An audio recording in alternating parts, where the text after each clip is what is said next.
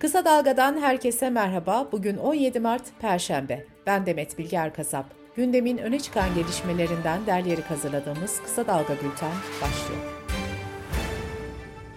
AKP, kadına yönelik şiddetin önlenmesini ve sağlık çalışanlarının özlük haklarını içeren acil yargı paketini dün Meclis Başkanlığı'na sundu. Pakette şu düzenlemelere yer verildi. Kadın cinayetleri ve kadına yönelik şiddet davalarında mahkemelerin sıkça uyguladığı iyi hal indirimi sınırlandırılıyor. Sanığın ceza indirimi almak için kılık ve kıyafetine özen göstermesi, takım elbise giymesi, kravat takması takdiri indirim nedeni olamayacak. Birçok davada uygulanan bu indirim kamuoyunda kravat indirimi olarak biliniyor. Mahkeme takdiri indirim uygularsa gerekçelerini kararda göstermek zorunda olacak. Israrlı takip Türk Ceza Kanunu'nda ilk kez müstakil suç olarak tanımlanacak. Fiziken ya da haberleşme araçlarını kullanarak bir kişi üzerinde huzursuzluk yaratan, güvenlik endişelerine yol açanlar 6 aydan 2 yıla kadar hapisle cezalandırılacak. Düzenlemeye göre ısrarlı takip suçu bir çocuğa, ayrılık kararı verilen kişiye veya boşanılan eşe karşı işlenirse ve de mağdur okulunu, iş yerini, konutunu değiştirmek ya da bırakmak zorunda kalırsa ceza 1 yıldan 3 yıla kadar çıkacak. Düzenleme ile sağlık çalışanları hakkında soruşturma yapılabilmesi Sağlık Bakanlığı bünyesinde kurulan Mesleki Sorumluluk Kurulu'nun iznine bağlı olacak. AKP ve MHP'nin ortak imzayla meclise sunduğu seçim yasası teklifiyle ilgili muhalefetin itirazları sürüyor. Teklifte seçim yasaklarına ilişkin düzenlemeler yer alırken başbakan ifadesi çıkarıldı. Ancak bunun yerine Cumhurbaşkanı ifadesinin eklenmemesi tartışmalara neden oldu.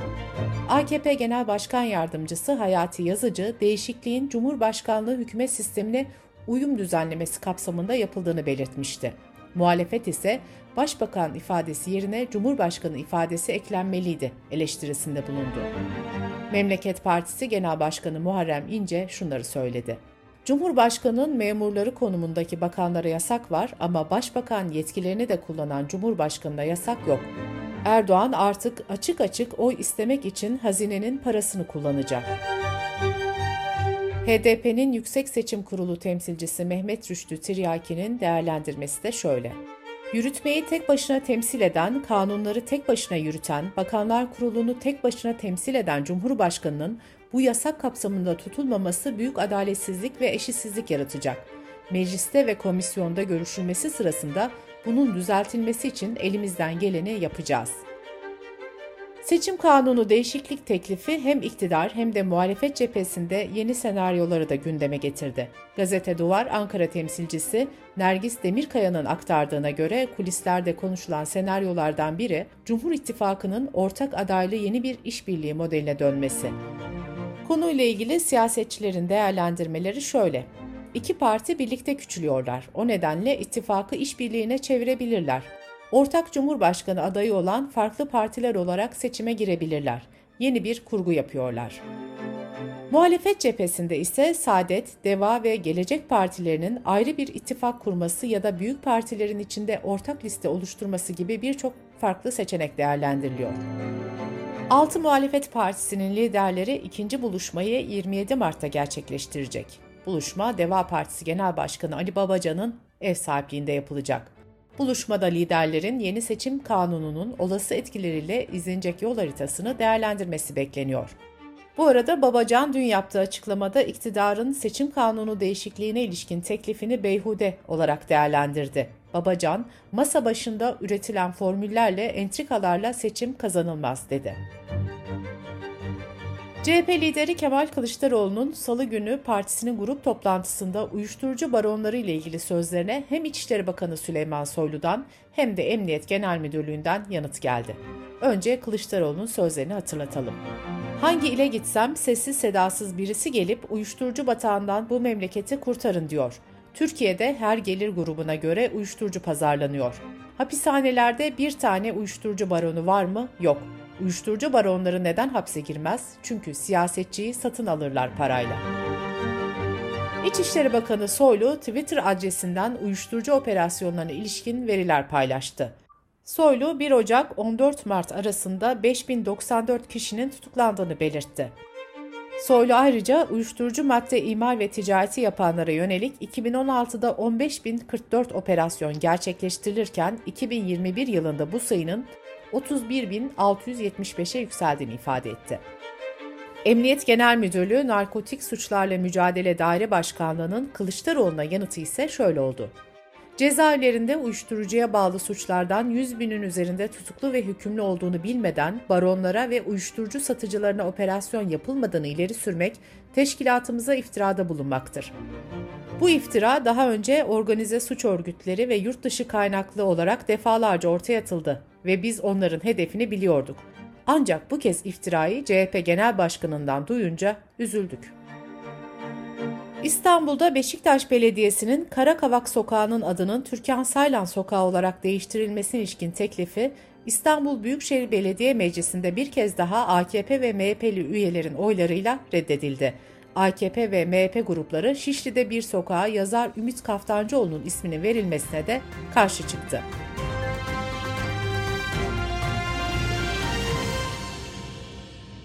Dış politika ve dünyadan gelişmelerle bültenimize devam ediyoruz. Rusya Devlet Başkanı Putin, Ukrayna'da askeri operasyon düzenlemekten başka seçeneğimiz kalmamıştı. Ukrayna'yı işgal etmek gibi bir isteğimiz yok açıklamasını yaptı. Putin şunları söyledi. Rusya ordusu Ukrayna'daki operasyonlar esnasında sivil kayıpların olmaması adına gereken her şeyi yapıyor. Ukrayna'nın tarafsız ülke statüsüyle askeri güçlerden ve nazizmden arındırılması konuları Rusya ve geleceğimiz için ilkesel mahiyette. Bunları Ukrayna ile barış görüşmelerinde ele almaya hazırız. Rusya'nın Ukrayna işgali 21. gününde sürerken Türkiye'nin diplomatik temasları da sürüyor. Dışişleri Bakanı Mevlüt Çavuşoğlu mevkidaşı Lavrov'la Moskova'da bir araya geldi. Çavuşoğlu Lavrov ile görüşmesinde şunları söyledi. Türkiye başından beri net bir tutum sergilemiştir. Dengeli, objektif, haktan ve hukuktan yana tutumunu göstermiştir.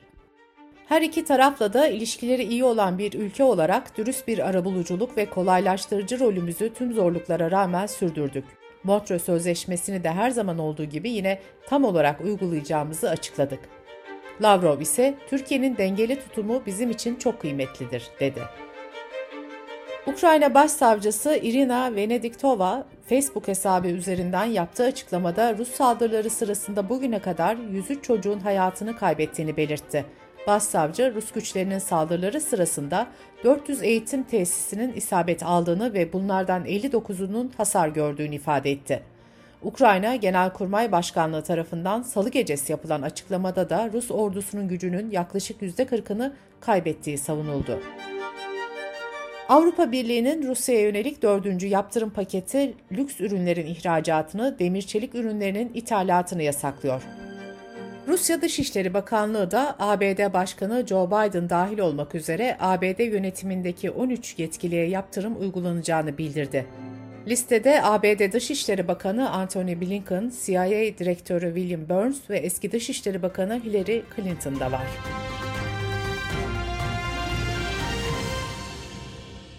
Sırada ekonomi haberleri var. Merkez Bankası faiz kararını bugün saat 14'te açıklayacak. Merkez Bankası'nın politika faizini %14 seviyesinde sabit tutması bekleniyor. Reuters haber ajansının anketine katılan ekonomistler oy birliğiyle Merkez Bankası'nın faiz politikasında bir değişiklik olmayacağını öngördü. Bloomberg HT'nin yaptığı ankete göre de piyasa katılımcıları bankanın politika faizini %14 seviyesinde sabit tutmasını bekliyor. Hazine ve Maliye Bakanı Nurettin Nebati, kur korumalı mevduat ile kuru istikrarlı ve öngörülebilir çizgiye getirdiklerini söyledi. Nebati, enflasyonda yaz aylarından itibaren ve özellikle yıl sonundan itibaren düşüşü ve normalleşmeyi hep beraber göreceğiz, dedi. Kamusen'in Şubat ayı açlık yoksulluk sınırı araştırmasına göre çalışan tek kişinin açlık sınırı 4682 lira oldu. Tek kişinin yoksulluk sınırı ise 5878 lira 17 kuruş olarak hesaplandı. 4 kişilik bir ailenin yoksulluk sınırı 12.671 lira olurken açlık sınırı da 4.479 lira olarak tahmin edildi. Geçtiğimiz haftalarda ard arda gelen zamların ardından Brent petrol fiyatlarında yaşanan sert düşüş benzin ve motorun fiyatlarını da düşürdü. Benzinde litre başına 176 kuruş, motorinde ise 93 kuruş indirim yapıldı. Sektör temsilcilerinden gelen bilgilere göre motorinde 1 lira, benzinde de 65 kuruş civarında bir indirim daha bekleniyor. Petrol fiyatlarında düşüşün devam etmesi halinde indirimlerin pompaya da yansıması bekleniyor. Akaryakıt zamlarını Enerji, Petrol, Gaz İkmal İstasyonları İşveren Sendikası kamuoyuna açıklıyordu. Ancak geçen hafta açıkladığı bir zam daha sonra iptal edilmişti. Enerji Piyasası Düzenleme Kurumu da sendika hakkında suç duyurusunda bulunacağını açıklamıştı. Sendika dün bir açıklama yaparak adli sürecin selameti açısından bir süre zam duyurusu yapmayacaklarını belirtti. İstanbul Fırıncılar Odası Başkanı Erdoğan Çetin, kentte 330 gram Ramazan pidesinin 6 liraya satılacağını açıklamıştı. İstanbul Büyükşehir Belediye Başkanı Ekrem İmamoğlu ise belediyeye ait halk ekmek büfelerinde 330 gram Ramazan pidesinin 3 liraya satılacağını duyurdu. Uluslararası Para Fonu Rusya'nın Ukrayna işgalinin uzun vadede küresel ekonomik düzeni değiştirebileceği uyarısında bulundu. Ukrayna ve Rusya'da derin resesyonlar yaşanabileceğini belirten IMF, Avrupa'nın da doğal gaz ihracatında ve tedarik zincirinde görülecek tıkanıklıklarla bu durumdan etkilenebileceğini işaret etti.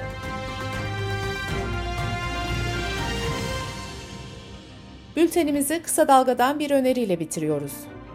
Yeşim Özdemir Time Code'da Çağlar'ın büyük şairi Nazım Hikmet'i anlatıyor. Kısa Dalga.net adresimizden ve podcast platformlarından dinleyebilirsiniz. Gözünüz kulağınız bizde olsun. Kısa Dalga Medya.